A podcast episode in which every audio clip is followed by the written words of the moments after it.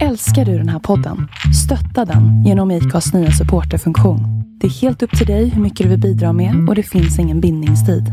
Klicka på länken i poddbeskrivningen för att visa din uppskattning och stötta podden. Since 2013, Bombas has donated over 100 million socks, underwear, and t shirts to those facing homelessness. If we counted those on air, this ad would last over 1,157 days. But if we counted the time it takes to make a donation possible, it would take just a few clicks. Because every time you make a purchase, Bombas donates an item to someone who needs it. Go to bombas.com slash ACAST and use code ACAST for 20% off your first purchase. That's bombas.com slash ACAST, code ACAST. This Mother's Day, celebrate the extraordinary women in your life with a heartfelt gift from Blue Nile. Whether it's for your mom, a mother figure, or yourself as a mom, find that perfect piece to express your love and appreciation. Explore Blue Nile's exquisite pearls and mesmerizing gemstones that she's sure to love. Enjoy fast shipping options like guaranteed free shipping and returns. Make this Mother's Day unforgettable with a piece from Blue Nile. Right now, get up to 50% off at BlueNile.com. That's BlueNile.com. Hej, det är Melinda här. När jag och min man köpte vårt hus så ville vi självfallet skydda det mot inbrott, brand och vattenskador. Vi tog in offerter från lite olika larmbolag men valde därefter Säkra Larm. Vi gillade Säkra Larms koncept med att äga sitt larm och slippa de dyra abonnemangsavgifterna. Samtidigt som vi fick det smarta hemmet. Vi rekommenderar varmt en säker, smart och prisvärd larmlösning ifrån Säkra Larm. Besök säkralarm.se du med! Hej kära lyssnare och varmt välkomna till ett nytt avsnitt. Men eh, innan vi kör igång med det så har jag faktiskt ett riktigt, riktigt fint erbjudande till er ifrån Jace som är ett svenskt varumärke och som har funnits på marknaden sedan 2006. De tillverkar hörlurar och högtalare och eh, min personliga favorit, ja det är deras multiromhögtalare S Living Flex. Den har ett helt grymt bra ljud och är både enkel och smidig att bära med sig ut på altanen, balkongen eller varför inte till poolen. Nu är det så att jag har lyckats att få loss en helt otroligt bra rabatt på hela 40% och för att ta del av detta erbjudande då går ni in på Kom och anger koden 2 latar. Så missa nu inte detta erbjudande kära lyssnare. Men eh, nu, nu kör vi denna veckas gäst. Hej och eh, välkomna till ett nytt avsnitt av Sveriges mest tongivande podcast Två låtar och en kändis. Denna veckas gäst slog igenom 2010 i dokusåpan Kungarna. Är det av eller på Tylösand? Av. Av Tylösand. Och han var i helvetet och vände och kan numera titulera sig som dokusåpaskådespelare, författare och eh, till sin biografi Ingen. Och han är också föreläsare och en av våra mest kända poddare faktiskt. Så med största stolthet och respekt så välkomnar jag nu Nemo Heden. Tack, vad, vilken fin presentation. Den enda anmärkningen jag hade var att man säger Hedén, inte Heden. Hedén? Ja. Ja men ska vi ta om alltihopa? För mig är det lugnt, alltså verkligen, det är lugnt. Ja. Om, om du vill, du får bestämma själv. Ah, vi kan, kör på det här. Det kanske är kul också med lite så här. det blir mänskligt. Ja men eller hur, det är väl Ja. det det ska vara. Ja, jag är helt, helt enig. Du förstår ju att jag känner mig lite orolig nu som sitter här idag med en snubbe som har gjort 500 avsnitt liksom. Mm, ja lite prestationsångest kanske finns där hos dig, men det, det är förståeligt i sådana fall, tänker jag. Ja. Ja. Vi ska komma in mer på det sen men först och främst så vill jag ju fråga hur står det till med Nemo idag? Uh, jo men det är på det stora hela ganska bra. Jag är mitt uppe i ett stim av jobb och, och så. Uh, jag har ju, jag lever ju två liv kan man säga. Uh, varannan vecka så har jag två små flickor, helt själv. Så då blir det liksom att jag är pappa, 100% Och varannan vecka så klämmer jag in resten av livet och då blir det jobb, träning, tolvstegsmöten, alltså allt annat skrivande och så, och så det blir mycket, det blir två olika liv men, men jag trivs att ha det så, det blir liksom, jag, jag, jag får vara pappa 100% och sen så har jag ganska mycket frihet resten av andra veckan så det, det känns faktiskt ganska bra Mm, härligt. Mm. Du, den här podden den handlar ju till stor del om ämnet musik. Och jag tänker att det är ett ämne som berör oss alla helt oavsett om man är eh, musiker eller inte. Mm. Hur berör musiken dig i ditt liv? Eh, musiken är konstant närvarande skulle jag säga i mitt liv. Min pappa är eh, musiker och har spelat i flera stora band. Bland annat i Weeping Willows var han medlem i. Sen spelade han med Stefan Sundström och Apache i många år. Varje by har sin egen häxa. Alla kastar sten och pratar skit. Lär inte barnen hyfs och respekt. Så, och jag själv var ju med i Småstjärnorna 1997, tappade peruken så att om det nu är musik, det, vi mimade men det, en koppling finns nog i alla fall. Ja. Eh, nej men för, om man ska, inte ska, om man ska vara allvarlig för ett ögonblick så um, jag lyssnar på musik varje dag. Eh, musik och podcast går varmt i bilen och hemma konstant. Mm. Mm. Du är ju född och uppväxt eh, i Stockholm och eh, i dessutom en väldigt stor familj. Mm. Och eh, jag har faktiskt kollat det att din pappa var musiker så med det så tänkte jag ju säga då att musiken kom in tidigt i ditt liv. Verkligen och, och jag eh, stod min pappa ganska nära Även om han också var ganska rörig med sitt problematik med alkohol och tabletter och sådär Så var jag också ganska nära honom under, under barndomen Alltså han, jag var med mycket på, i replokalen och på olika festivaler och gig och så Så det var ju verkligen så att musiken kom in då i ens liv och var alltid där och, än idag är alltid där och, och, har varit liksom en stor, stor del på ett känslomässigt sätt. Det är väldigt mycket med musik som gör att det finns liksom musik för alla mindsets när man är glad, när man är ledsen och det, det berör mig väldigt mycket musik. Så det, det, det är ett kul ämne att prata om och lite annorlunda ämne för mig att prata om i en podd. Så jag, jag är väldigt glad över att vara här, det känns fint. Mm. Och det är faktiskt så att även jag tycker att det är extremt roligt att få sitta här med dig idag. För det är ju så att vi sitter faktiskt i din poddstudio och spelar in på ett helt annorlunda sätt än vad jag är van vid. Mm. Ja men jag bjöd in dig till mitt lilla kryp in här för att jag tänkte, tänkte att det skulle underlätta för oss båda eller främst för mig för att jag ändå hade massa ärenden runt kring här. Eh, Så vi sitter i min studio på Östermalm i Stockholm och eh, ska banda din podd. Så det, det, det, det blir nog en skön mix tror jag. Ja, men det är härlig miljö. Mm, jo, men jag gillar, gillar det också mycket. Det är här jag sitter och bandar min ena podd. Jag har ju två poddar. Eh, jag har Nemo möter en vän som firar 400 avsnitt nu. Eh, den bandar jag på Södermalm. Och sen har jag också Hedén med Boman och Granander, en beroendepodd, som jag bandar här då. Och den firar snart 100 avsnitt. Så sammantaget blir det ju 500 avsnitt. Ja, helt fantastiskt. Mm, tack. Du, eh, när vi ändå är inne här på ämnet musik så tänker jag, vad är egentligen ditt absolut första minne till musik som du kan härleda till från en tidig ålder? Oj, oj, oj. Eh, ja, det finns ju mycket. Jag minns ett minne när jag, när jag var jätteliten så kommer jag ihåg att jag lyssnade jättemycket på jag har alltid lyssnat mycket på, på Per Gessle i olika, olika konstellationer med Roxette och Gyllene Tider och hans sologrejer. Men har jag ett minne när jag och min syster står i vardagsrummet och och Dressed for Success kommer på.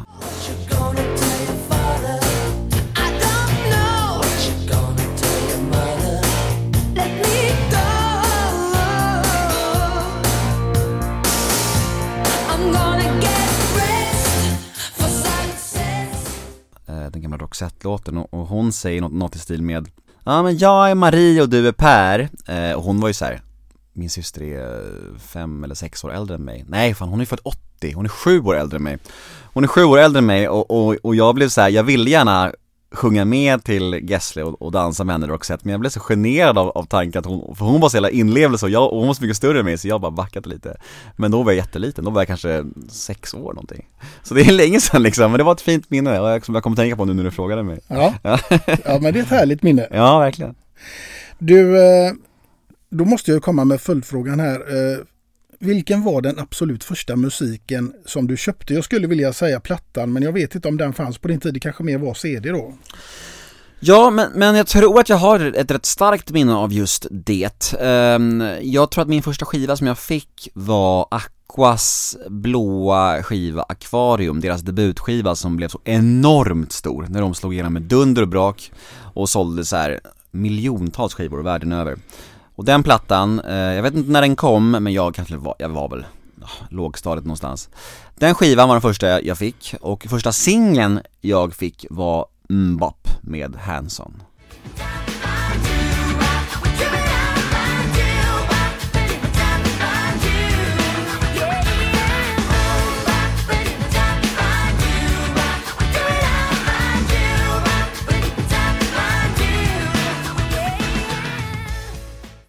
Så jag minns båda väldigt tydligt, för det är ju det är ett starkt minne i livet såklart Ja, absolut. Så det är ju nå- något som jag alltid kommer komma ihåg, så det, ja det är två ikoniska ögonblick får man säga Mm.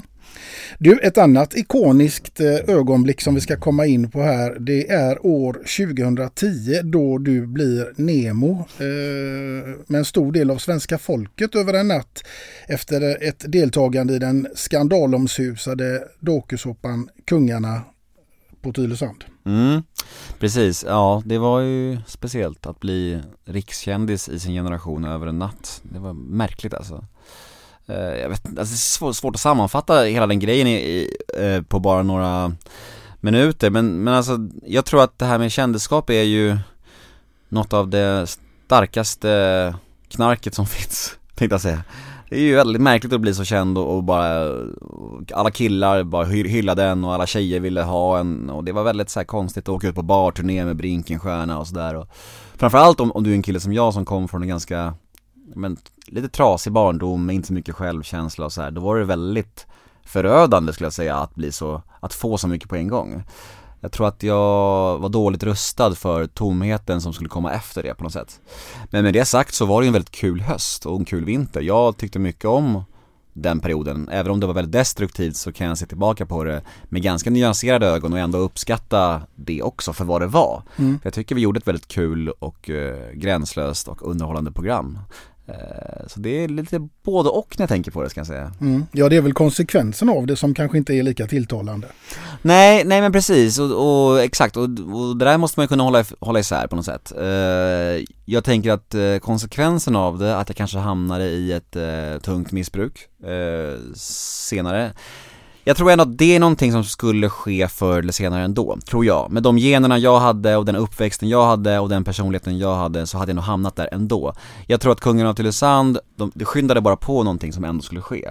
Eh, men, men med det sagt så, så är det fortfarande ett program som var, som kanske var lite, lite för mycket, lite väl gränslöst och något som skadade mig och säkert min omgivning en hel del. Mm. Du har ju pratat lite grann om det här, för det är ju de facto så att fler ungdomar söker sig till Paradis Hotel än eh, högskolan. Så är det. Det är faktiskt så jag börjar min föreläsning, den meningen.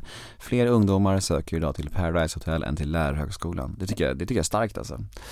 Eh, och det är ju otroligt märkligt, men det är ju också talande för någonting att vi är, idag är så besatta av just kändisskap. Att och, och höras och synas och det är liksom det som är den nya, den nya valutan i samhället på något sätt.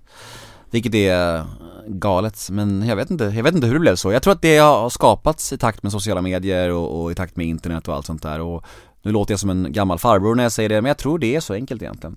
Eh, för, för förr i tiden så fanns det inte samma jämförelsegrej, det fanns inte samma liksom eh, det här snabba, lägga ut någonting och få bekräftelse och jämföra sig och du vet, allt det här det går, går så snabbt nu idag liksom. Fanns ju inte förr. Och då, då var det liksom inte lika Ja, riskabelt kanske är fel ord, men alltså det, det, det var liksom inte lika, på samma sätt bara, på något sätt. Nej. Eh, och det, jag tycker det är sorg, sorgligt, för att det, det känns som att det bara blir värre och värre och värre och värre och jag vet inte vart det ska sluta med det här. Det känns som att det är liksom ingen, ingen munter utveckling tycker jag. Nej, det, idag så har vi ju så många olika eh, forum som hela tiden kräver att vi ska synas. Så jag tänker att det här mediala samhället det skapar ju det här på något sätt. Och hur ska man hantera det?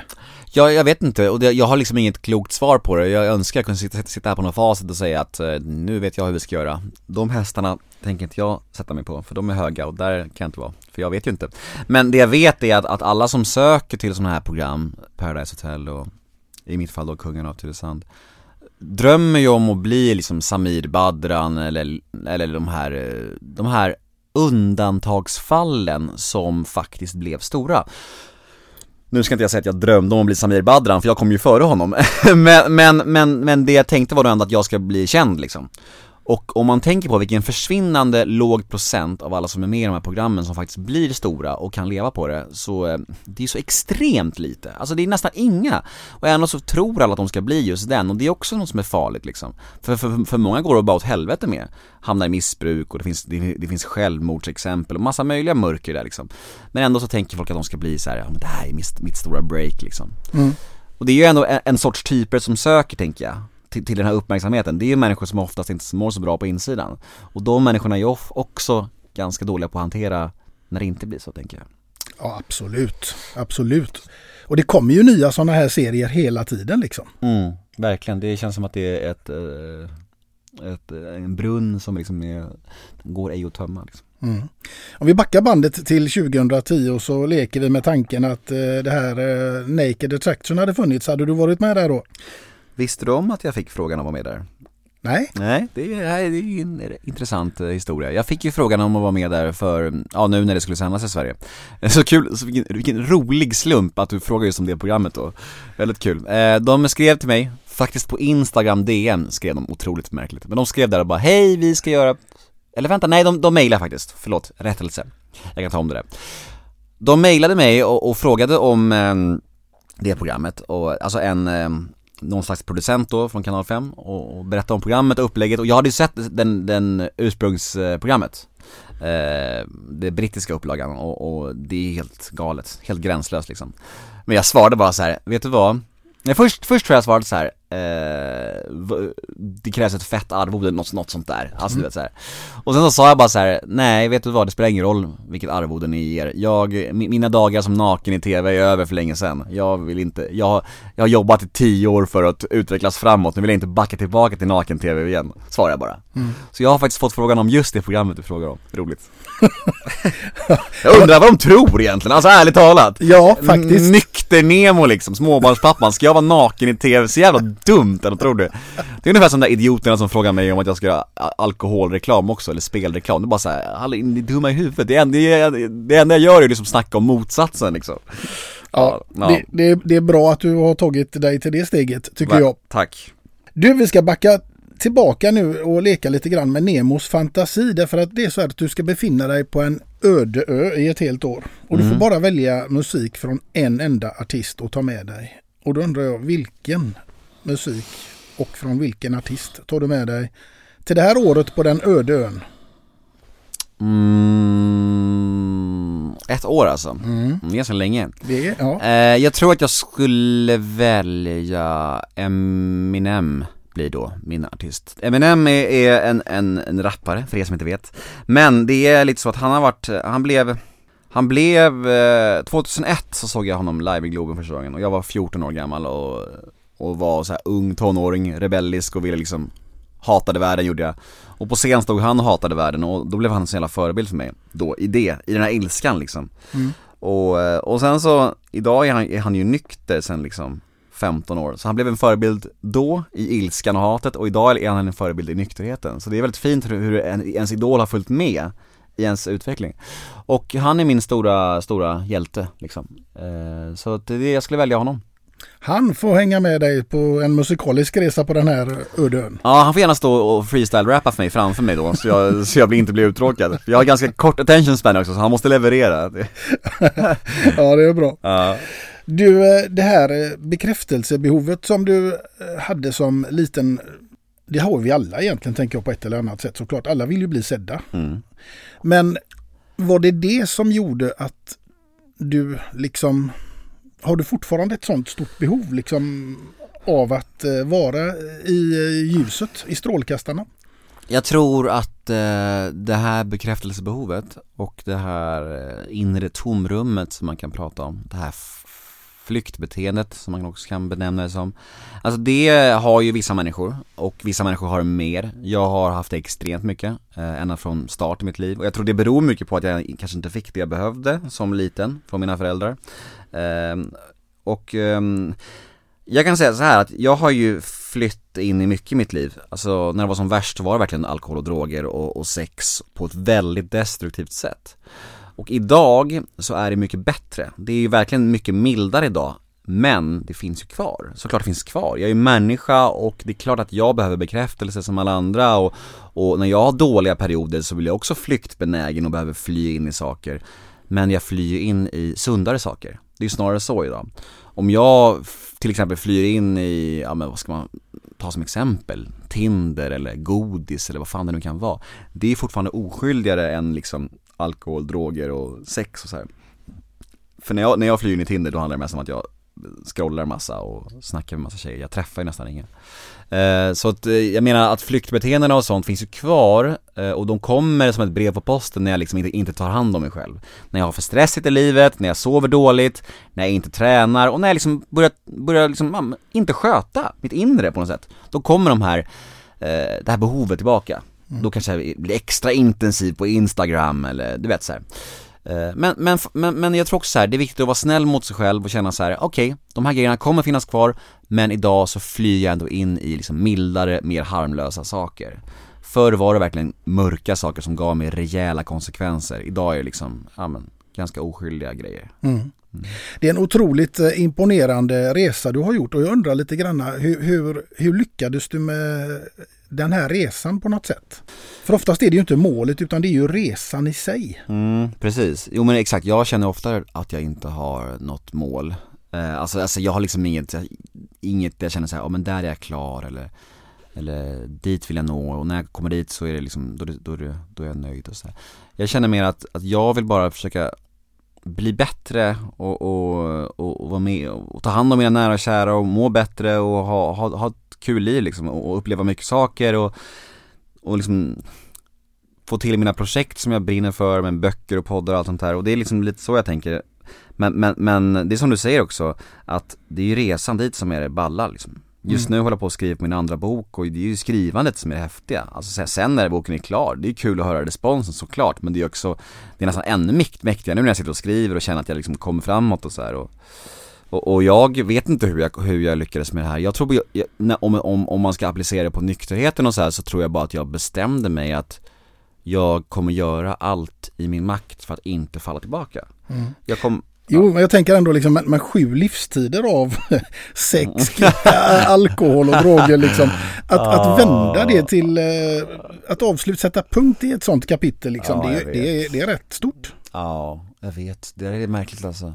Att, för det var ju verkligen så, ja, just att det var så otroligt mycket sex Det är ju, det känns som att man liksom man gjorde det så mycket, alkohol, droger och sex, att man liksom var helt avtrubbad så länge på något sätt. Eh, och jag vet inte, jag, jag, tror att, jag tror att, att bli nykter och drogfri efter en så lång tids eh, supande, knarkande och dessutom så mycket sex. Blir det som att man, man föds om på nytt, man ska börja om på nytt, man ska lära sig allt på nytt, så man är som en bebis. Bambi på hal is på något sätt.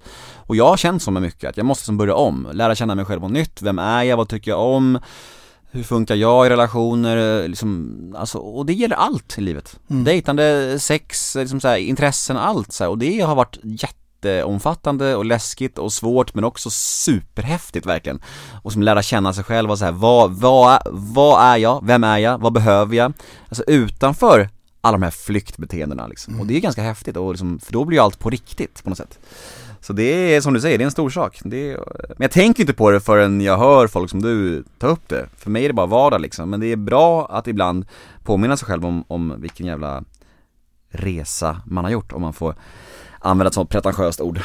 Absolut. Jag tänker att när du är ute och föreläser och så, mm. så kanske det finns människor som inte till fullo känner igen sig i det du beskriver, men åtminstone delar utav det och kommer fram och vill snacka. Mm, verkligen, så är det. Och det tror jag har gjort att eh, jag kan nå mycket kids, för jag pratar mycket om det här med inre tomrummet och söka bekräftelse och kickar och känna sig utanför och känna sig annorlunda och sådär och vilja bli känd och sådär. Och det är ju väldigt många som, väldigt, väldigt, väldigt, väldigt många som har just det. Och dessutom växer upp i hem med missbruk runt omkring dem och så här. Så det, jag tror att eh, mina föreläsningar har blivit populära just på grund av det. Mycket igenkänning hos de eh, trasiga kidsen där ute. Ja, verkligen. Mm. Du, vi ska släppa det för ett ögonblick för att vi ska backa tillbaka till ämnet musik och nu är jag lite nyfiken på vem som skulle kunna få skriva låten eller visan om Nemo Hedén. Eh, snyggt, nu satte du uttalet också, bra gjort. Eh, visan om Nemo Hedén, gud alltså jag har ing, fan ingen aning. Sådana här frågor skulle man nästan vilja haft innan, ja det var rätt svårt alltså. Om man vill ha ett catchigt svar också, det är det.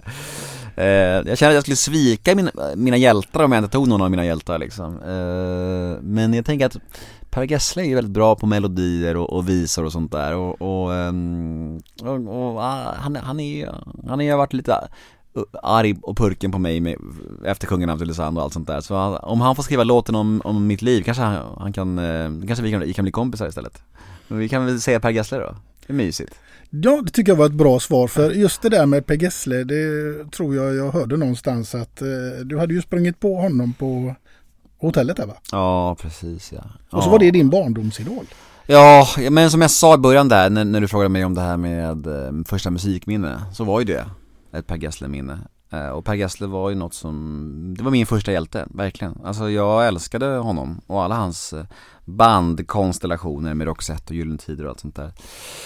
Uh, och, och, och, konsumerade allt han gjorde, gick på uh, liveshower och, och så här, gick på signeringar, Wåhléns och så här, ja, men, ja, verkligen. Och sen så när jag var med i Kungen av Tylösand så, så hade jag nåtts av liksom informationen om att han, ja men han var ganska uppretad på produktionen.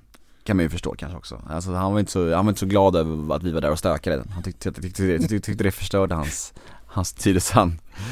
Uh, och det, ja, det kanske gjorde det, jag vet inte. Men samtidigt så här, vad tänker han försiggår i Tylösand annars? Vi gjorde ju bara allt som alla andra gör där, tänker jag också samtidigt. Vi filmade det, absolut, men, men vad fan, alla lever väl rövare i Tylösand? Det är väl inte så att vi var en undantagsfall. Men han blev arg på oss och han, jag tror att han hamnade i konflikt med produktionen, eh, han stämde nog dem till och med och det blev en rättstvist för att han tyckte de hade gått in med falsk marknadsföring och, och när de sålde in programmet till honom eh, så han var jätteupprörd. Så han hamnade i någon slags rättstvist med Kalle Schulman tror jag, som producerar programmet. Eh, och jag tror att, eh, jag tror ändå att Kanal 5 vann till slut. För att de fanns ju ett avtal liksom. Eh, och sen efter programmet då, efter inspelningen, eh, och jag väntade på mitt, eh, mitt tåg hem tror jag va. Eh, så skulle jag gå ner i receptionen på Hotell Tylösand och så stod Per där och så tänkte jag så här, men nu måste jag ju faktiskt säga till Per vad han har betytt för mig här. Eh, eftersom att jag har till, tar tillfället i akt här, det är inte ofta man får det med sin, en av sina barndomshjältar. och så står han där med solglasögon och ser stencool ut och, och jag är ju livrädd. För att jag har också någonstans, vet jag om att han hatar programmet som jag har varit med i precis. Det vet jag ju någonstans innerst inne, men samtidigt så måste jag liksom ta chansen och prata med honom. Så jag går fram till honom, tar mod till mig och bara smyger fram och bara Hej, hej Per, eh, jag heter Nemo, jag tycker du är fantastisk, jag älskar din musik och det har betytt så mycket för mig och jag vill bara säga det, uttrycka min beundran och kärlek för dig. Och han bara kollar på mig och tar sina solglasögon, lyfter på dem, himlar med ögonen och bara pff, och sen går han. Mm. Ja det är mörker. Det är mörker. Otroligt mörkt alltså. Ja. Mm. Om, om, om jag är otroligt liten när jag går fram där, jag är, jag är så liten och rädd när jag går fram där så, så blir jag ännu mindre när han mosar mig där. Mm. Så han, men han får ändå chansen liksom att skriva en låt om dig här nu. Ja det är fan stort av mig alltså. Ja. ja men jag är en stor människa, jag, du vet tolvstegsprogrammet handlar om förlåtelse mycket och det är, jag förlåter folk. Härligt. Ja. Du, eh, vi ska gå vidare i, i detta fantasins tecken därför att nu är det så här att Nemo, du ska ha en middagsgäst hemma hos dig. Mm. Jag vill veta vem det hade varit, vad du hade bjudit den här personen på till middag och vilken låt som hade fått ligga där i bakgrunden till den här fantastiska middagen. Oj, oj, oj, oj, oj, vad svårt. Um, det finns många människor man skulle vilja äta middag med. Uh, men jag tänker att jag skulle vilja äta middag med, med Jim Carrey, tror jag. Mm. Han verkar så jävla intressant och spännande och häftig och han är nykter också vet jag nu. Jag har fått höra på håll här att han är, har valt bort alkohol och droger i sitt liv och, och han verkar så klok. Han, han, liksom, han, har, han har lagt av nu med, med skådespelaryrket och vill liksom bara fokusera på målande och meditation och så. Jag tycker han verkar så spännande och, och, är, och är så fruktansvärt rolig tycker jag. Även i stand-up och sånt som man har sett på youtube och sånt. Han är så jävla briljant. Så en middag med Jim Carrey hade varit otroligt fint.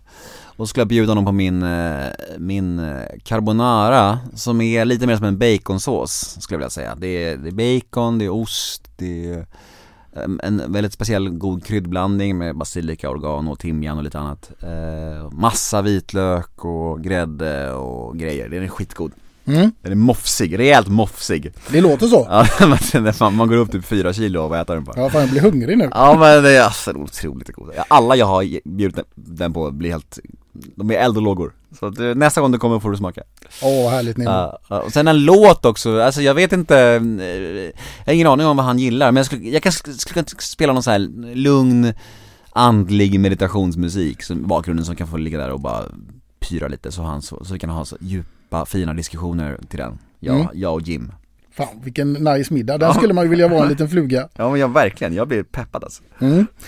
Du, vi fortsätter nu faktiskt i fantasins tecken med ytterligare en sån här fråga innan vi ska komma in på ditt första låtval. Och då ska vi få ställa oss in i det här scenariot. Nemo, det är nämligen så här att du är i final i Let's Dance. Jag vill veta med vem du hade dansat och till vilken låt detta nu hade fått utspela sig till. Och här är det bara fantasin som sätter gränserna. Död eller levande. Du behöver inte välja någon som är med där nu, någon tävlingsdansare, utan du dansar med precis vem du vill. Jaha, så jag, jag hade ju en dansare från programmet på, på tungan där, men då behöver jag inte välja det, då kan jag ju spola fritt menar du? Absolut. Jaha, eh, nej men jag eh, såg framför mig att jag ville dansa med hon, med hon Sigrid ändå, hon, hon är så jävla, jag tycker hon är jävligt härlig och sen har jag träffat henne också i min podd och hon är jävligt sympatisk och varm tjej Så, hon, så jag tänker att även om det är fantasin som, som ska få sätta gränserna här så är det ganska nice att ha någon som kan dansa också, tänker jag, om jag ska, om jag ska vinna Så jag väljer Sigrid ändå, Sigrid får det vara Sigrid Bernson, eh, och så ska vi dansa till då? Kanske Boppers låt Do That Bopping Jive kanske?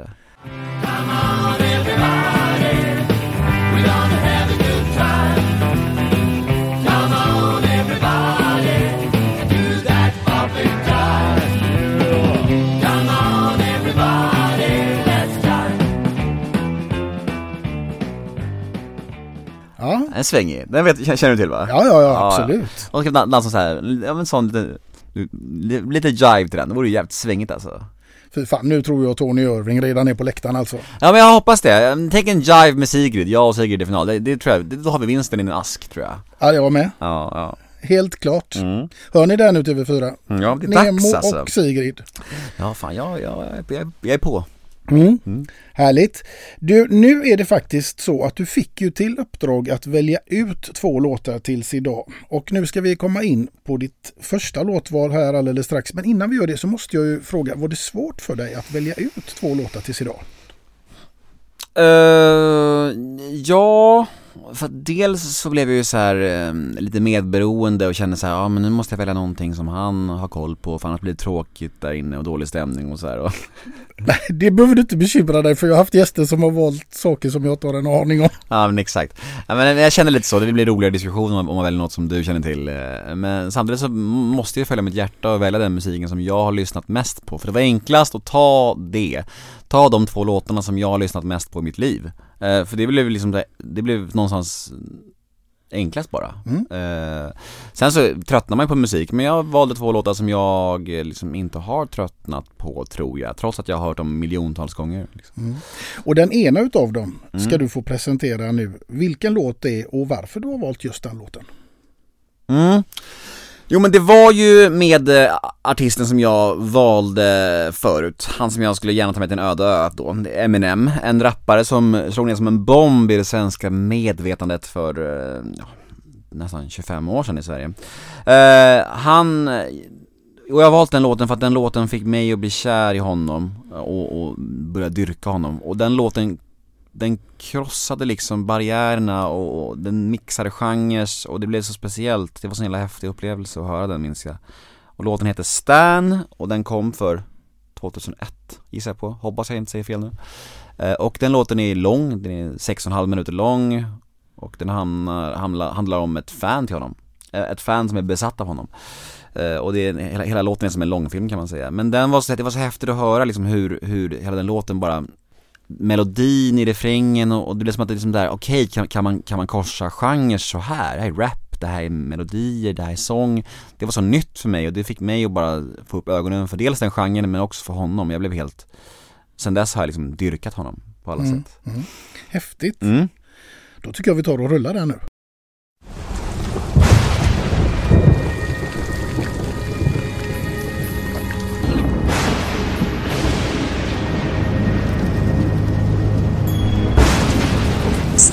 Open the door. What? Stanley, what are you doing to yourself? What the hell? You don't like it?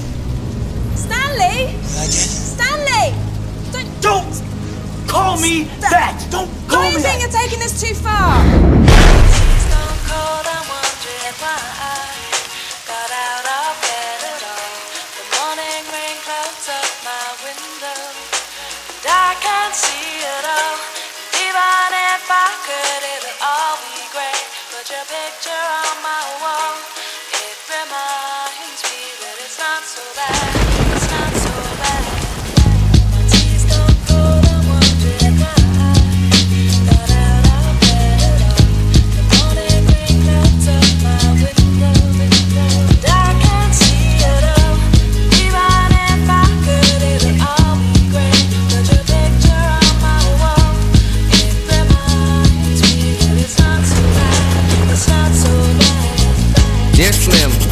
But you still ain't calling. I left my cell, my pager, and my home phone at the bottom. I sent two letters back in autumn, you must not have got them. There probably was a problem at the post office or something. Sometimes I scribble addresses too sloppy when I jot them. But anyways, what's been up, man? How's your daughter? My girlfriend's pregnant too, I'm about to be a father. If I have a daughter, guess what I'ma call her? I'ma name her Bonnie. I read about your Uncle Ronnie too, I'm sorry. I had a friend kill himself over something who didn't want him. I know you probably hear this every day, but I'm your biggest fan. I even got the underground shit that you did with Scam. I got a room full of your posters and your pictures, man. I like the shit you did with Rockets too, that was fat. Anyways, I hope you get this, man. Hit me back, just a chat. Truly yours, your biggest fan. This is Stan.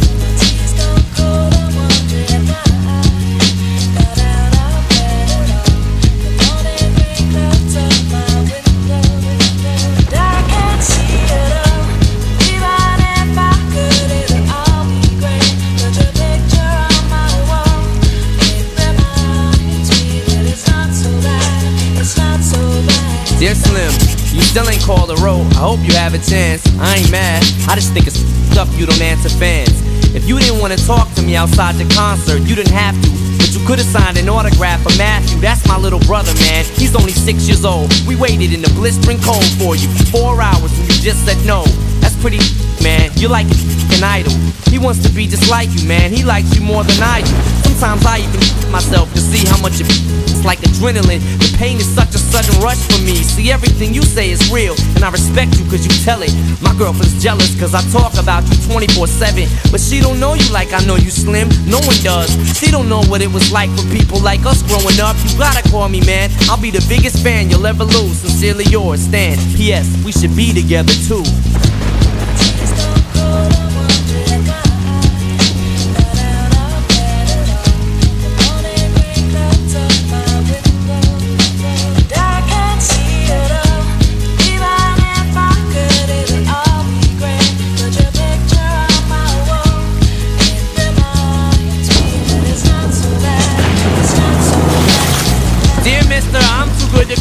Write my fans.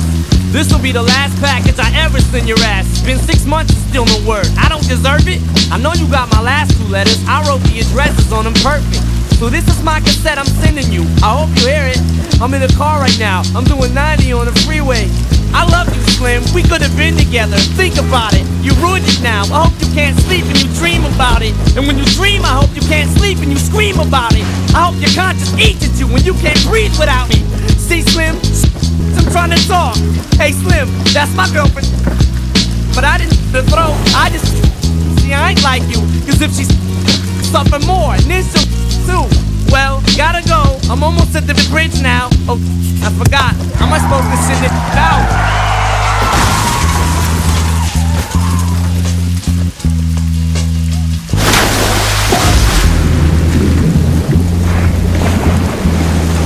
Dear Stan, I meant to write you sooner, but I just been busy. You said your girlfriend's pregnant now. How far along is she? Look, I'm really flattered you would call your daughter that. And here's an autograph for your brother. I wrote it on the starter cap. I'm sorry I didn't see you with the show. I must have missed you. Don't think I did that intentionally just to diss you. But what's the you said about us like the there is too? I say that clowning, dog. Come on, how the bitch you? You got some issues, Stan. I think you need some counseling to help your ass from bouncing off the walls when you get down some. And what's that type of shit'll make me not want us to meet each other. I really think you and your girlfriend need each other, but maybe you just need to treat her better. Hope you get to read this letter. I just hope it reaches you in time before you hurt yourself. I think that you'll be doing just fine if you relax a little. I'm glad I inspire you, but Stan, why are you so mad? Try to understand that I do want you as a fan. I just don't want you to do some crazy. I seen this one on the news a couple weeks ago that made me sick. Some dude was drunk and drove his car over a bridge. And in the car they found a tape, but they didn't say who it was to. Come to think about it, his name was, it was you. Damn.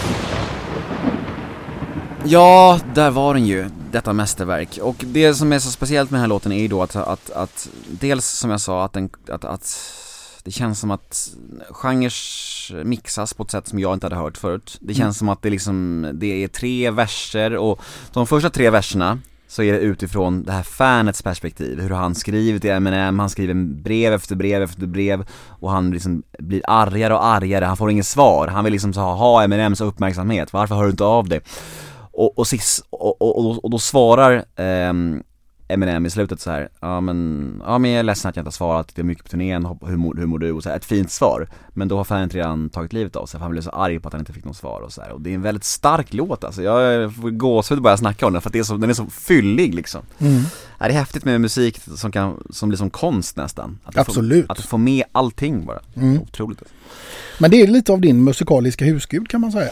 Ja det är det, det har blivit det då och, och dels då på grund av eh, musiken som han har släppt, att det liksom inte är hiphop bara så här som, som hiphop alltid har varit på något sätt. Alltså Eminem är så mycket mer, han har, han har liksom, han har, han har tagit någon slags, slags men man har känt igen sig så mycket i hans frustration och ilska och sådär, utanförskap och och, och även sen är hans missbruk och så här och sen är hans nykterhet, han har liksom, han har, han har liksom följt med mig i hela mitt liv och det, och det är så jäkla fint för att Just det här att, att jag har först haft honom som förebild i, i hans kaos, i hans rebellliv, i hans ilska och sen en förebild i hans nykterhet.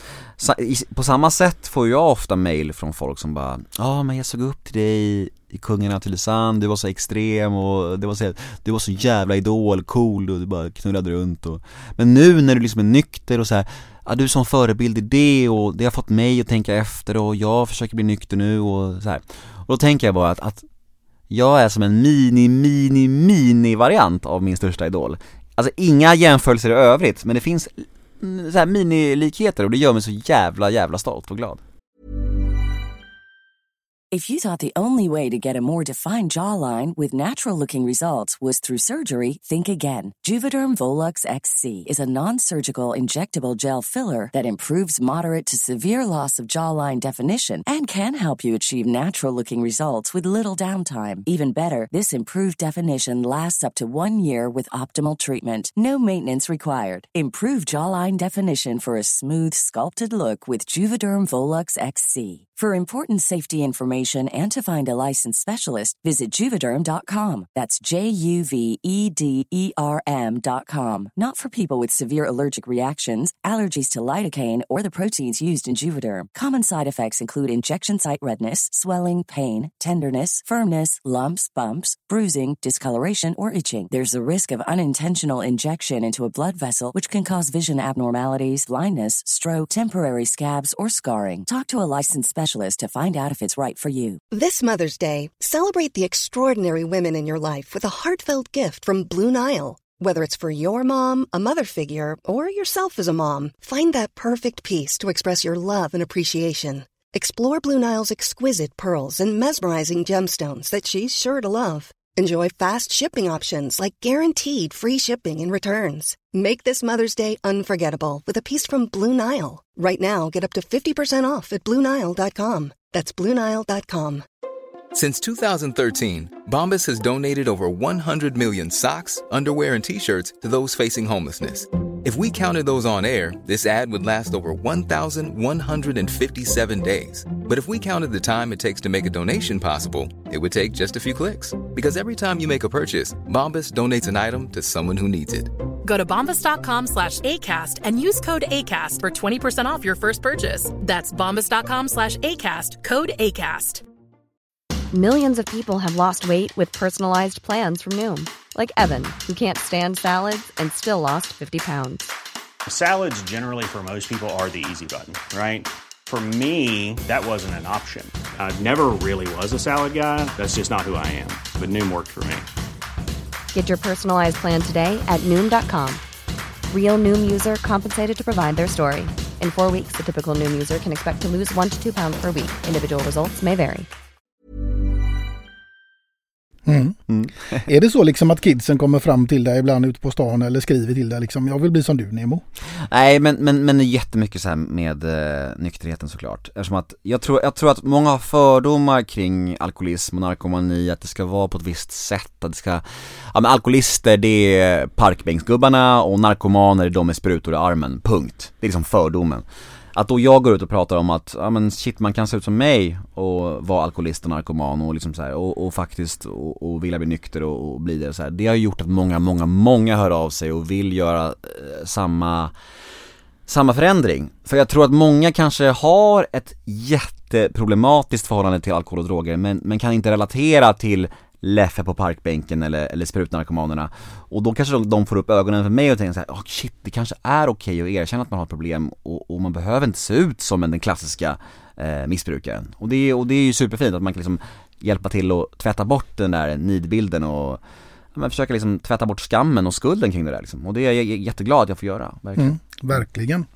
Du, vi tar oss ifrån eh, detta fantastiska låtval till någonting helt annat. Därför att eh, det är nämligen så att nu kommer det en signal här.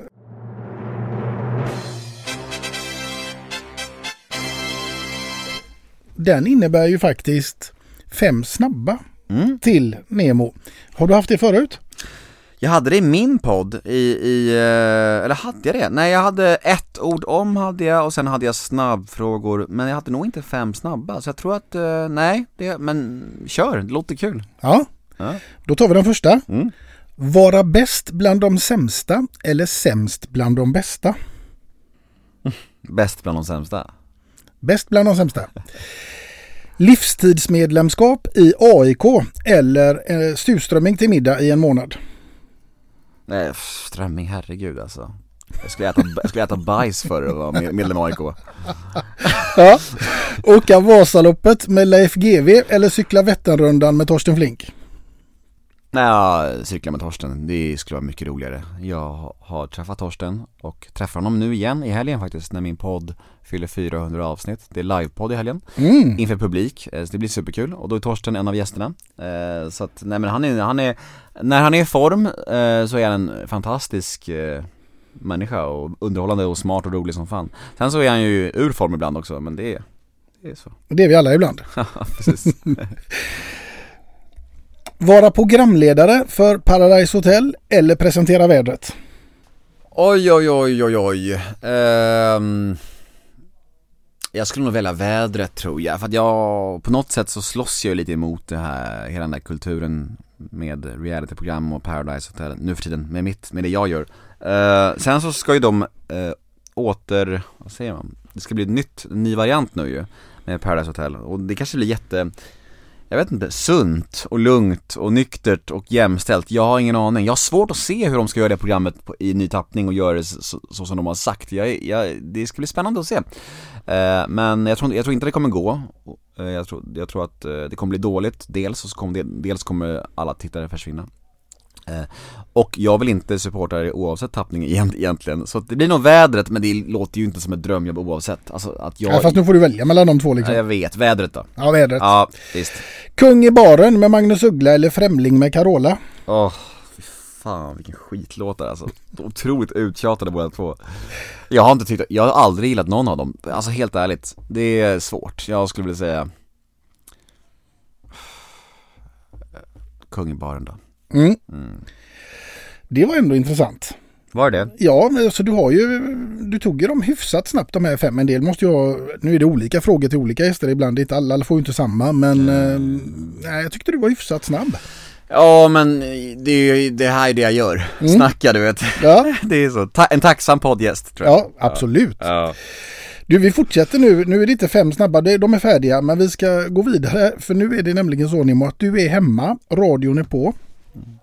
Du eh, går och dammsuger eller någonting. Och helt plötsligt så dyker det upp en låt på radion som du bara känner, nej inte en chans, det här åker rakt av. Mm. Jag stänger av. Vilken låt är detta? Eh, Den här jävla Lou Bega, Mambo number five heter den va? Ja. Ja den är hemsk alltså. Fruktansvärt dålig låt. Den är hemsk och sen också den här, vad heter den här? Macarena, den är nästan, nej, det är nästan ännu värre. Alltså det är frukt, det går inte riktigt alltså. Ja Macarena är värre, ta den. Den går inte. Den åker av Jag alltså. hatar den alltså, det är fan den värsta låten som finns. Den, den har aldrig ens kunnat se någonting. Det finns inget, det finns inget ljus där, det är bara mörker. cuerpo alegría Macarena, que tu cuerpo es para dar la alegría y cosas buenas. Hala tu cuerpo alegría Macarena, eh Macarena. Ja. Du eh, Nemo, vi tar oss ifrån den här eh, radion som nu är avstängd till eh, någonting helt annat som ska bli väldigt, väldigt roligt. Därför att det är ju så här att du har ju haft som sagt var 400 avsnitt i Nemo möter en vän. Mm. Utav alla dina eh, 400 gäster där så ska du nu få plocka ut några utav dem som passar in under respektive karaktär. Och då pratar jag om Snövit och de sju dvärgarna. Så jag undrar, vem utav alla dina gäster skulle exempelvis kunna få vara Kloker? Björn Natthiko och Lindeblad. Ja, men det, det var ett jävligt bra svar. Har du haft honom som gäst alltså? Mm. Jag har inte kollat igenom alla dina gäster. Nej. Nej, Men, det- gud vad stort. Han hade jag ju velat ha också. Ja det förstår jag, han är fantastisk. Det som var grejen med Björn Attiko den episoden och, och vilket, vilket var så o- o- helt sjukt.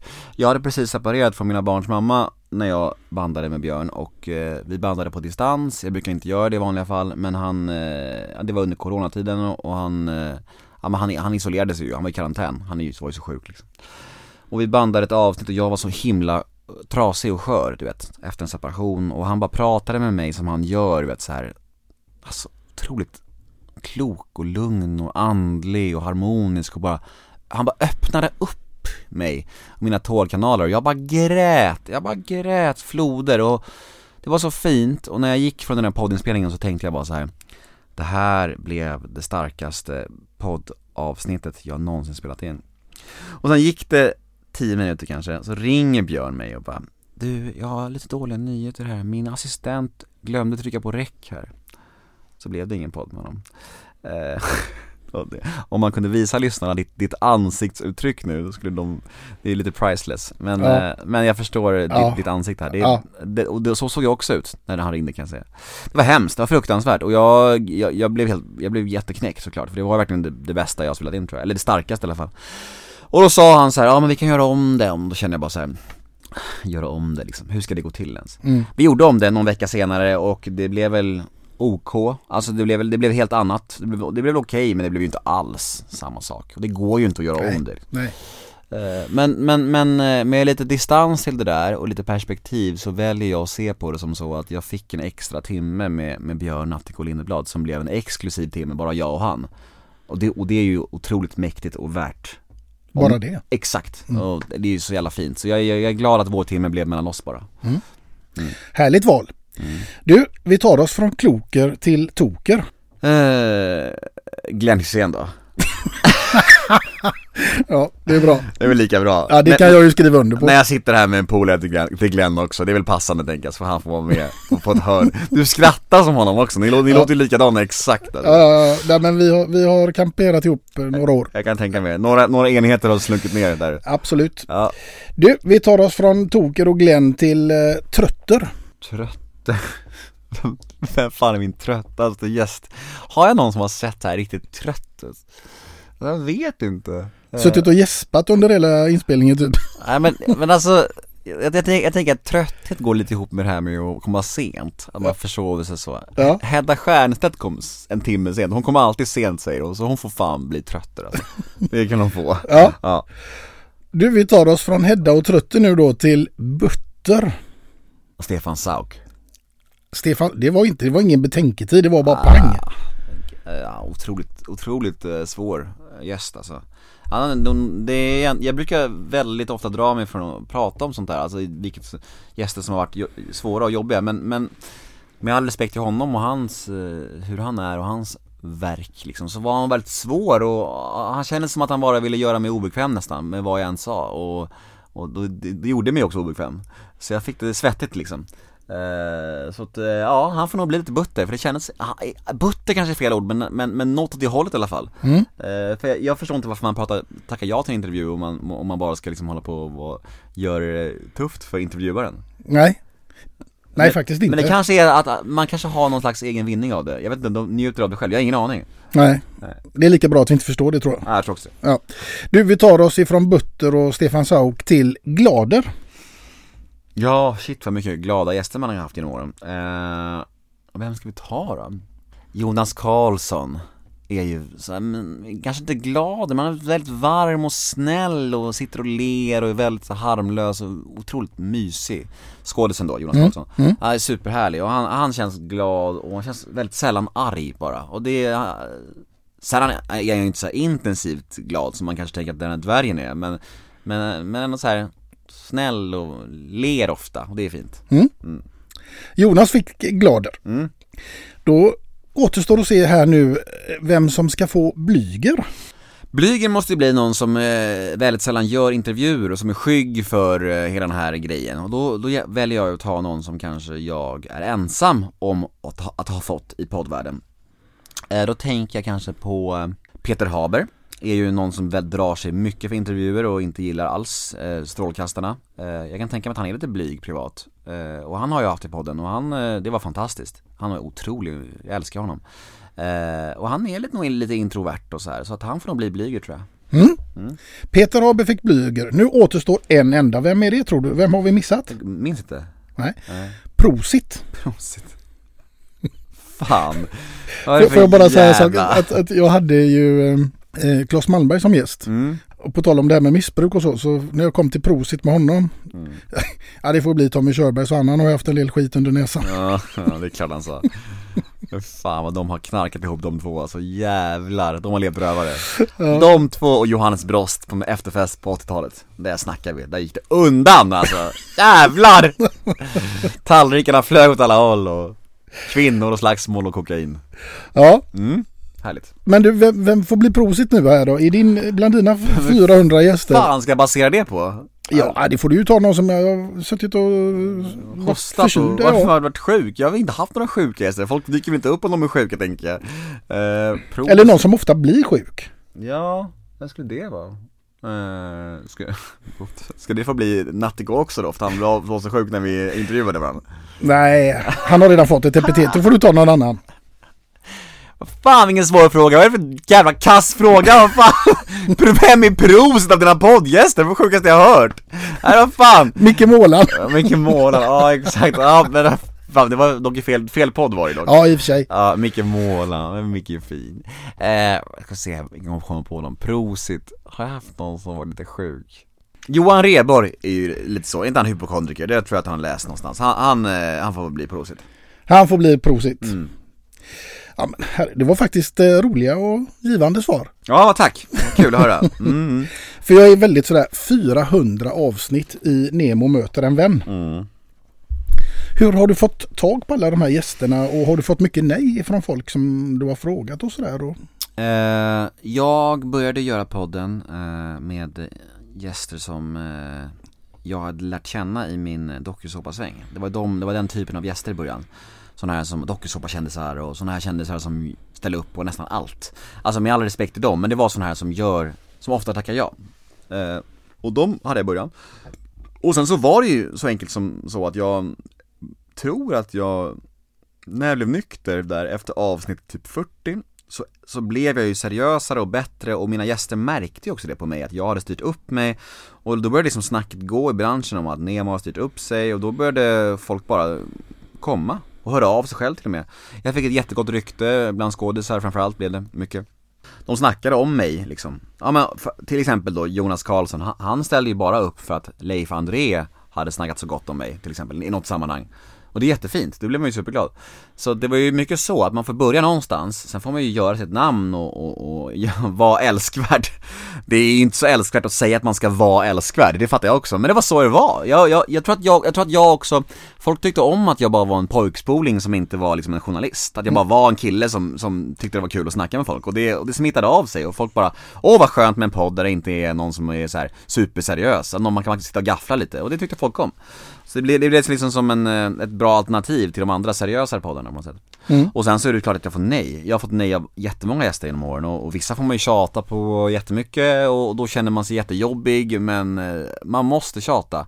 Det är så, man har, man har inget val. För om man inte tjatar, då rinner det ut i sanden. Det är inte så att de kommer höra av sig och säga så här: nu vill jag gärna vara med. Det kommer aldrig hända. Så vi som intervjuar, och du också då i det här fallet, man har inget val, man måste, man måste vara lite jobbig och då kan det antingen bli så att gästerna till slut säger ja men vi kör, fan du har tjatat länge nu och det tycker jag att man ska prisa, du verkar genuint vilja ha mig, vi kör. Eller så kan det bli så att de bara slutar svara och blir arga. Mm. Det är liksom det som, alternativen som finns. Så är det. Mm. Jag skriver under på det. Ja det är hemskt, så visst, visst det finns något gäng som tycker jag är en jobbig jävel som bara har slut. De har bara lagt av och svara liksom. Sen finns det de som faktiskt sa ja till slut och bara Fan du, du vill ju verkligen ha mig, du ska, vi kör. Typ Mm. Johan Redborg sa det. Han sa bokstavligen talat så här att eh, Att du tjatar tyder på, tyder på ett genuint intresse och sånt ska prisas så, Det är fint tycker jag Väldigt. Mm. Du, med det sagt så tänker jag så här. Om vi nu hade leker med tanken att vi hade varit i ombytta roller. Mhm, mm. Vem hade varit din favoritgäst i, i den här podden som jag driver? Åh, vilken rörig fråga! Ja. Jag måste försöka ställa mig in här, tänka Om jag hade din podd med temat musik Mm. eh, Två låtar och en kändis. Exakt Ehm, Det var inget fel på den här frågan, fan vad jag lät, lät dryg där kände jag, förlåt Det var inte meningen. Är vi kompisar ändå eller? Ja, ja, det är vi. Självklart. Härligt, härligt. Eh, Vad kan jag tänka här? Jag, vem, vem skulle kunna vara intressant att snacka lite musik med? Och det måste vara en kändis då?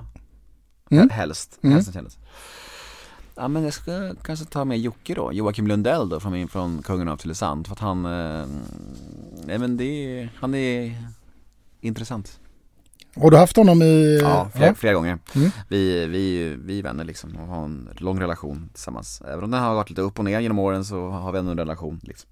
Han är, speci- han är speciell, och alltid speciell att prata med. Mm. Mm. Det, men så är det ju, alla är vi lite speciella till mans tänker jag. Ja, som så är det kanske. Alla är speciella utom Glenn Hysén skulle jag säga, som är bara så jävla happy-go-lucky. Ja, det är en underbar gubbe. Ja, han är superljuvlig, men jag menar bara, han är så jävla liksom, han är så jävla bekymmerslös. Ja, det är farsan Baloo. Ja, exakt, och det sa jag till honom när jag poddade med honom, han skrattade så han kiknade. Ja, ja, ja. Ja, Du, eh, jag tänker på författare är du ju också. Ja, jag släppte en självbiografi 2015 och håller just nu på med min andra bok som eh, släpps eh, Om allt går som det ska vid nyår. Mm. Mm. Och den första boken, Ingen. Precis. Den heter Ingen just för att mitt namn betyder ingen på latin och eh, det tyckte jag var lite, lite passande då för att eh, Ja men har man, ofta, har man ofta känt det som så att man inte har någon självkänsla och så här, inte någon identitet kanske då, eh, då blir det som en, en fin bok att skriva om det och bara ja men boken heter Ingen och det är min väg till att bli någon liksom Ingen vill bli någon. Lite så, ja, Ja. jag jobbar på det Mm. Mm. Jag eh, förstod att du hade haft Mia Törnblom. Mm. Henne har jag faktiskt eh, tjatat på en del, på tal om det här med att tjata om att folk ska ställa upp. Henne har jag tjatat lite på men eh, det har inte blivit av. Jag ska lägga in ett gott ord kanske Ja, men jag tycker hon, hon har gjort en resa själv ju. Ja verkligen, hon Och- var ju her- heroinist liksom Ja, och sen har hon ju coachat andra människor eh, på ett jättebra och fint sätt. mm, hon, är hon är toppen, Mm. en riktigt energiknippe Mm. Och du hade en viss eh, relation till henne också? Absolut, men Mia var gäst i Nemo möter en vän för många år sedan, säkert 6-7 år sedan. Sen så um, lärde jag känna henne där och lite mer i och med att jag eh, skulle börja föreläsa, för då hamnade jag på hennes, eh, hennes label om man säger så, Mm. om det nu heter så, jag vet inte. Men hos hennes, på hennes sida, Talking, talking Heads tror jag, Talking Minds, något sånt där. Eh, det är bra att jag vet vart jag ligger som föreläsare, så jävla oseriöst. Ja, de flesta giggen har jag faktiskt fått själv genom min podd, så att det, om man ska vara helt ärlig. Eh, nej men, eh, och där lärde jag känna henne, hon hjälpte mig lite med sånt och lite coaching där och, och lite, lite tips i föreläsande och, och nej men hon är toppen. Jag gillar henne mycket, hon är också gammal knarkis som jag, så vi har ju verkligen vi har mycket likheter jag och hon. Mm. Och du den här, eh, alltså de här 400 avsnitten, är det med i, eh, inte alla 400 givetvis, men har du med mycket av de här i boken också? Eh, I min första bok menar du? Mm. Ingen. Eh, jag skriver om vissa händelser från poddar i boken. Jag skriver om uh, händelser som har berört mig mycket och format mig och sådär och milstolpar och sånt. Absolut, det nämns. Men det blir liksom mer om podden generellt. Vad, det, vad det har gjort för mig och hur, hur stor den blev där och hur mycket. Vad eh, Ja men, ja men precis, det, är- det är lite mer svepande och generellt men vissa, absolut, jag, jag pratar ju en del om, eller jag skriver en del om vissa avsnitt Mm. Jag tänker att nu har jag ju haft eh, drygt 90 gäster här då. Eh, och musik är ett ämne som berör så pass mycket så att jag faktiskt haft tre utav mina 90 gäster där det har kommit tårar ur ögonen. Mm. Det har blivit ganska starka avsnitt. Mm. Och då tänker jag på dina 400 som du har gjort så måste Mm. det ju finnas otroligt starka avsnitt där också. Ja verkligen Så att vad är ditt eh, bästa minne eller starkaste minne ifrån alla de här 500 poddavsnitten säger vi nu, för nu tar vi med bägge poddarna då. Ja, men jag, jag tycker inte det är rättvist att ta med beroendepodden för att det, där är det ju alltid starka samtal nästan Okej, du? rätt. Ja, Ja, ja, rätt. Det blir så himla, då, där, där, varje vecka så är det så här, nästan tårar får man säga eh, Så vi, om, om vi ska fokusera på Nemo möter en vän Mm. eh, så, så, så skulle jag nog vilja, vilja välja ut eh, Jag minns när Fredde Granberg gästade eh, den här otroligt eh, begåvade skådespelaren eh, Ragge, Mm. Ronny och Ragge, Ragge. Eh, Och han pratade, om jag minns rätt nu så pratade han om att han har han förlorade ett barn vid födseln tror jag. Eh, Och pratade om det på ett sätt som var otroligt gripande och jag blev helt skakad av det. Eh, Det var ett ögonblick som var väldigt, väldigt drabbande om det nu var att han förlorade barnet vid födseln eller, eller precis innan, Nå- något sånt där var det. Det var här länge sedan så det är svårt för mig att minnas. Men jag minns att jag var skakad efter det. Jag minns även när um, Peter Haber pratade om kärleken till sina barn. Det var också väldigt fint för det, han var så jävla genuin i sitt prat bara, det var väldigt, väldigt fint. Och nej men jag vet inte, det finns ett par sådana som sticker ut som verkligen har blivit, blivit mest, det, det starkaste som man verkligen har blivit Nej man har blivit berörd verkligen. Och folk är ju oftast generösa så det är fint. Mm. Verkligen. Du, eh, när det kommer till det här med generös, nu ska vi se vad Nemo har i eh, fickan angående låtval nummer två. För det är jag ju grymt nyfiken och intresserad av vad det skulle kunna vara. Ja. Med vem och vad och inte minst varför. Ja, ja, jo men jag, jag är ledsen att behöva säga det här men det kommer förmodligen vara en artist som du inte känner till eh, Men det är okej, k- känner jag efter det vi sa förut Mm. eh, eh, Artisten, eller gruppen heter Sum 41 Sum 41 Och det är en, en punk, college punk eh, rockgrupp från USA eh, Med en sångare som heter Derek Whibley och, och grejen med det, och låten heter With Me eh, Och det handlar mycket om att det var någonting med den låten som, som jag fastnade för för drygt tio år sedan som gjorde att jag liksom så här, inte fick nog av den och den är, det är texten som är väldigt, väldigt eh, fin och, och, och, och, sången har ett sätt att sjunga på som Alltså jag blir väldigt kär i folks röster har jag märkt, alltså det är liksom det som gör mig nästan mest förälskad i artister, alltså den här hur de låter på något sätt. Det är så här, det, det är nästan det som är, och han, han, han, han har en sångröst som är, går rätt in i mig. Eh, och, och det här Derek då, sångaren, också, han är också en nykter alkoholist. Det är ändå speciellt att, att mina två största hjältar och de två låtarna som jag väljer här nu är av två stycken som också är nyktra alkoholister som jag, vilket är Ja det är en slump egentligen men det är också väldigt fint på något sätt att det är, allt, allt hänger ihop liksom Ja, verkligen. eh, Så jag tycker vi lyssnar på den låten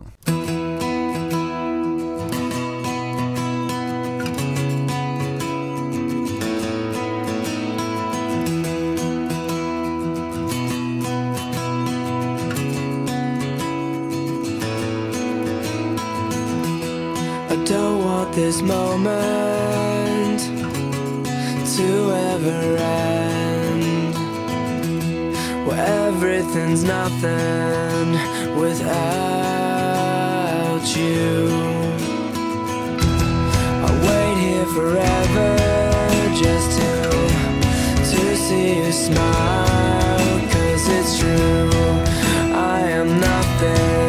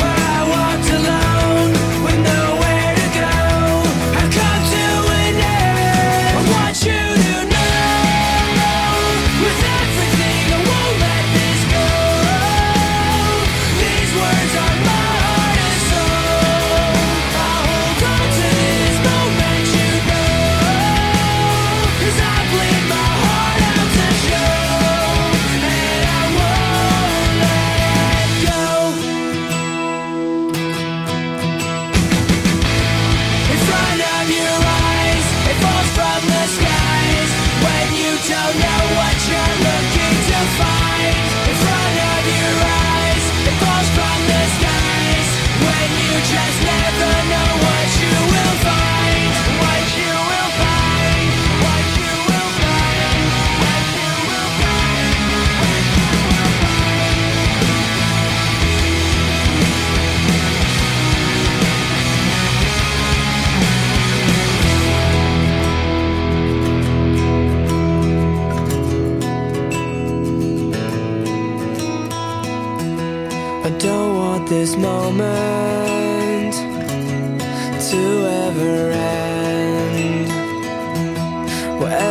everything's nothing without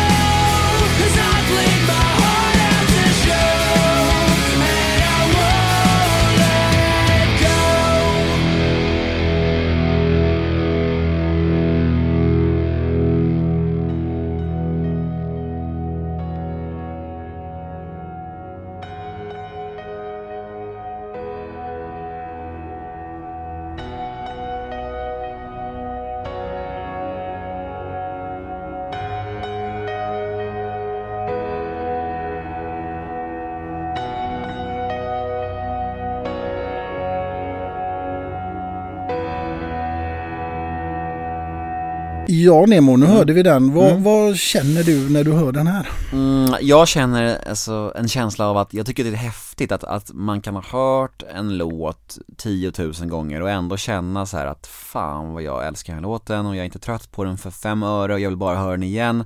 Och för mig är det det som gör en favoritlåt. Mm. Att man kan, att man inte, alltså inte tröttnar på den. Jag skulle kunna nämna jättemånga låtar som jag tycker är säkert briljantare, eller så här, på andra sätt. Men, men jag väljer ändå låtar som jag känner att de här kommer alltid vara med mig för jag kommer inte tröttna på dem och, och, då, och det blir liksom per automatik mina favoritlåtar. Och det gäller både Stan och uh, With Me, att det är så här låtar som när jag hör dem blir jag bara så glad och uppfylld och vill höra klart dem liksom. Mm. Eh, Och det är mycket starka känslor och jag vet inte, det de har hjälpt mig jättemycket genom tunga perioder i livet och, och jag, jag vet inte. Och det finns såklart en extra stor kärlek till de här artisterna för att de också är, är vi är från samma värld. Vi har båda liksom, vi har allihopa lyckats eh, slå oss fria ur missbrukets eh, handklovar på något Mm. sätt. Så det känns fint. Verkligen. Jag har ju själv genomlidit eh, två skilsmässor. Mhm. Och där musiken faktiskt har varit eh, väldigt betydande får man lov att säga. Min musikaliska husgud är Lars Winnerbäck. Mm. Och alltså det är ju en form av terapi. Liksom att man lyssnar på vissa låtar och man blir, eh, man får upp hoppet och man blir lite starkare och ser morgondagen på ett annat sätt. Mm. Jag kanske ska välja två eh, Lars Winnerbäck-låtar också, då för- jag att göra dig glada. Jag tycker om Du får mig och Nästan perfekt tycker jag om. Mm. har du hört dem? Absolut, Mm. absolut. Ja, det är mina två som jag väljer. För jag tycker också, också om att välja låtar som inte är de här självklara hitsen. Mm. Och det gör jag också för att briljera lite, att jag också har lite koll på Lars Winnerbäck. Mm, Det är bra. Ja. Ja, själv är det granit och morän och själ och hjärta. Mm. Fint. Men där är texterna eh, betyder väldigt, väldigt mycket för mig. Inte Mm. bara rösten och sången. Nej, nej. Är, är texterna och innehållet i en sång eller visa väldigt viktigt för dig också? Det beror helt på, på vad jag lyssnar på känner jag. Eh, men, men, men absolut, alltså man vill ju att låtarna ska ha en liksom större innebörd och, och texter kan ju, kan ju vara relaterbara och eh, ja, en, en av Eminems bästa låtar heter ju Not Afraid som handlar om hans liksom, nykterhet och hans början på hans förändring. Och då pratar då, då rappar han typ hela låten bara om att förlåta sig själv och hans tolvstegsresa och så här och att gå från den här resan då, från missbrukaren till den här. Och det är ju så här, när jag hörde den var jag bara så här, Åh, gåshud, jag gör det här just nu själv, det är så jävla starkt liksom. Så det är klart att texterna är jätte, jätteviktiga. Samtidigt så att en slinga i en låt kan vara också gåshud, eh, en, en röst kan vara gåshud Alltså trumsolo, alltså det finns så mycket komponenter som kan vara gåshud på något sätt Men eh, absolut, texter kan verkligen skaka om en Ja, verkligen. Mm. Du, eh, en fråga som alla mina gäster får numera det är vad innebär ordet livskvalitet? Och den ska du också få. Livskvalitet för mig är att eh, få sova eh, ostört och sova, sova ut. Att inte stressa, frihet, eh, att eh, vara nära mina barn och, och, och se dem må bra. Ja, att få hjälpa, hjälpa andra missbrukare. Mm. Mm. Typ det. Ja men det är väl en bra definition på Mm. livskvalitet. Tycker jag verkligen. Folk definierar det ordet väldigt olika. Ja, verkligen. Det finns nog folk som sitter här och säger att de en ny Lamborghini kanske också. Ja, absolut. Jan Emanuel kanske. Han har haft. Har han haft det? Ja, vad, han- vad sa han på, på den frågan? Ja, du, jag kommer faktiskt inte ihåg det Han svaret. sa en ny Lamborghini kanske? Nej, jag vet inte, jag kommer inte ihåg vad han svarade. Faktiskt. Men en skön snubbe, Ja, helt verk- klart. verkligen. Du, eh, Nemo, hur ser framtiden ut för dig? Vad är, vad är projekten som vi kan förvänta oss? Eh, ja, det hände jättemycket kul. Eh, jag har ju livepodd i helgen, eh, Nemo möter en vän, fyller 400 avsnitt. Då ska jag köra en liveföreställning inför publik med Torsten Flink, Ola Rapace och Messiah Hallberg som gäster. Eh, så mina, mina poddar trummar på, min bok Eh, håller på att göras klar, den nya boken om beroende då. Och den släpps eh, första januari då är det tänkt. Och sen så ska jag, ja men till hösten så blir det bokmässan, det blir, eh, jag ska göra lite TV också, dock tyvärr hemligt att prata om än så länge. Men det blir en, en TV-sväng och det ska bli skitkul. Så det är jättemycket spännande i pipen. Så jag är super, super taggad och så himla tacksam att jag får göra massa roliga saker. Det, det, det är lyxigt. Mm, verkligen. Hur ser dina morgonrutiner ut undrar jag nu? Det beror på om jag har barnen eller inte.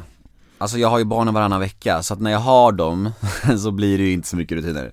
Då blir det att jag går upp med dem och, och eh, ger dem en fruktskål, typ. Sätter dem med paddan och tvn och sen så försöker jag själv ta en kopp kaffe typ och ja, men komma in i dagen liksom. När jag är själv, då är det mer är liksom, då, då är det, då kan det bli vad som helst. Då är det mer att jag kan ta, ta ett bad eller jag kollar på någon serie eller, ja, det blir mer så svävande och flytande, ingen ordning på någonting på något sätt. Mm. Eh, men, eh, nej men det är verkligen två olika liv får man säga. Ja, jag känner till det. Ja, ja, ja. Men du, eh, det jag fiskade efter lite grann, det var om kaffet är viktigt för dig på morgonen. Mm, verkligen. Alltså jag älskar kaffe och eh, jag tappade faktiskt min kaffekanna i, i, igår så jag fick köpa en ny idag så det är ju det var ändå lite mys att få gå och köpa en ny kaffebryggare kände jag. Ja. Jag var lite glad över det. Jag kände Ja. att det här var ju nice att få göra det här igen. Så jag köpte mig en kaffebryggare. Så nej men kaffe är underbart. Mm. Och då är det så här. Gör vi så. Att alla gäster i den här podden, de får faktiskt en kaffemugg. Så jag hoppas att jag ska få bidra med dina morgonrutiner med den här muggen. Två låtar och en kändis och Nemo Hedén. Mm, det här är fantastiskt. Vad fint. Jag blir jätteglad. Alltså en kaffekopp. Det här är mycket mer än vad mina gäster får, så det, det ska du ha. Ja men det har, det har liksom blivit en grej i själva podden att den där muggen liksom, den, den, eh, den ska med liksom. Ja, ja men gud, det här, det, tusen tack. Du, det har varit en stor, stor ära att få ha med dig som eh, gäst. Och eh, det är faktiskt så, det är inte alla eh, gäster Jo men ibland så har jag lyssnare som säger, liksom tipsar om någon gäst att kan du inte ha den här gästen liksom och så vidare. Och nu är det faktiskt så att mina barn och, och eh, några till har liksom sagt, men du Nemo, ska du, kan du inte göra Nemo? Mm. Mm. Nemo, säger jag liksom. ja, jo, jo. Jag, får, jag får googla här nu liksom va. Och så tänkte jag, men fan vad ball, det är klart jag ska göra Nemo. Då fick man ju skriva och hålla på, det är ett jävla sökande när man ska ha tag på folk. Ja, men det är ganska lätt för mig. Det går, min hemsida så går det snabbt. Jag svarar ju ganska snabbt också, Ja. får man säga. Eh, och jag tycker om att göra sånt här. Jag tycker det är kul. Jag har ju själv varit poddare, eller jag är poddare, men jag har varit poddare som jag är i början. Nu säger jag inte att du är i början, men jag brukar säga ja till att gästa nästan alla poddar just för att jag vet hur du är själv och jaga gäster. Man kan, man kan rela- relatera till det liksom. Så jag säger nästan alltid ja till sånt här, för jag tycker det är så här, vad fan, det, det är det minsta man kan göra. Ja, jag. fast jag tycker också att det är viktigt att man tänker när man har en podd att man, man ska ha gäster som är intressanta för, Ja. för alla liksom. Jag kan, om jag bara skulle gå i min genre så skulle det bara bli gammalt idrottsfolk. Liksom. Men så är det såklart, det förstår jag. Eh, så det är bra att man, att man, att man mixar sig och breddar sig. All heder till det. Men Nemo möter en vän tänker jag. Vad, vad är det för typ av lyssnare på den? Är det... Alltså det får vi väl se på lördag, tänker jag. Eh, men eh, alltså om man ska basera på de tidigare livepoddarna så är det en otroligt märklig blandning alltså. det, Fast det är mycket medelålders damer. Mm. Var kommer ni göra den här livepodden någonstans? Livepodden blir på Bonden bar i Stockholm, 120 stolar kommer in och den är, det så- sålde slut ganska snabbt. Eh, Men jag trivs att ha livepoddarna där för där är det väldigt intimt och personligt och, och, och man får vara nära liksom och jag tänker att det är väldigt, eh, det är liksom, min, min podd handlar lite om det. Att det ska vara personligt och intimt och nära så det är, vi, vi tar med det upp på scenen liksom. När gjorde du din första livepodd? Det var när podden fyllde 100 episoder. Eh, så det var ju, det blir ju sex år sedan, nej fan inte klokt alltså, sjukt. Det är sex år sedan ja. Och jag har haft, eh, det här blir min tionde livepodd.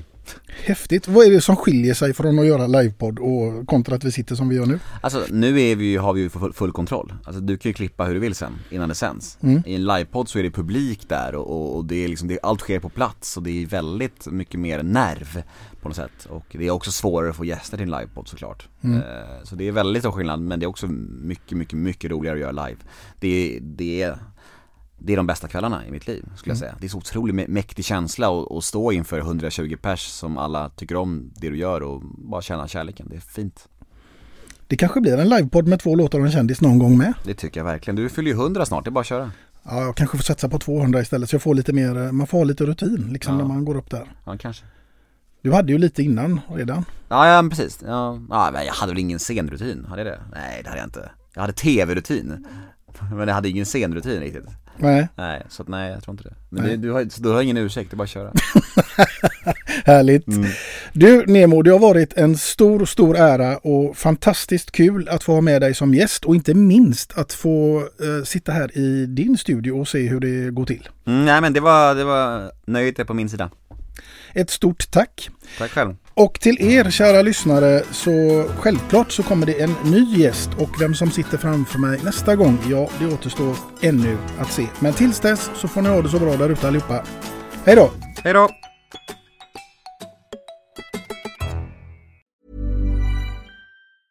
Planning for your next trip? Elevate your travel style with Quince. Quince has all the jet setting essentials you'll want for your next getaway, like European linen, premium luggage options, buttery soft Italian leather bags, and so much more. And is all priced at 50 to 80% less than similar brands. Plus, Quince only works with factories that use safe and ethical manufacturing practices. Pack your bags with high-quality essentials you'll be wearing for vacations to come with Quince. Go to quince.com slash pack for free shipping and 365-day returns.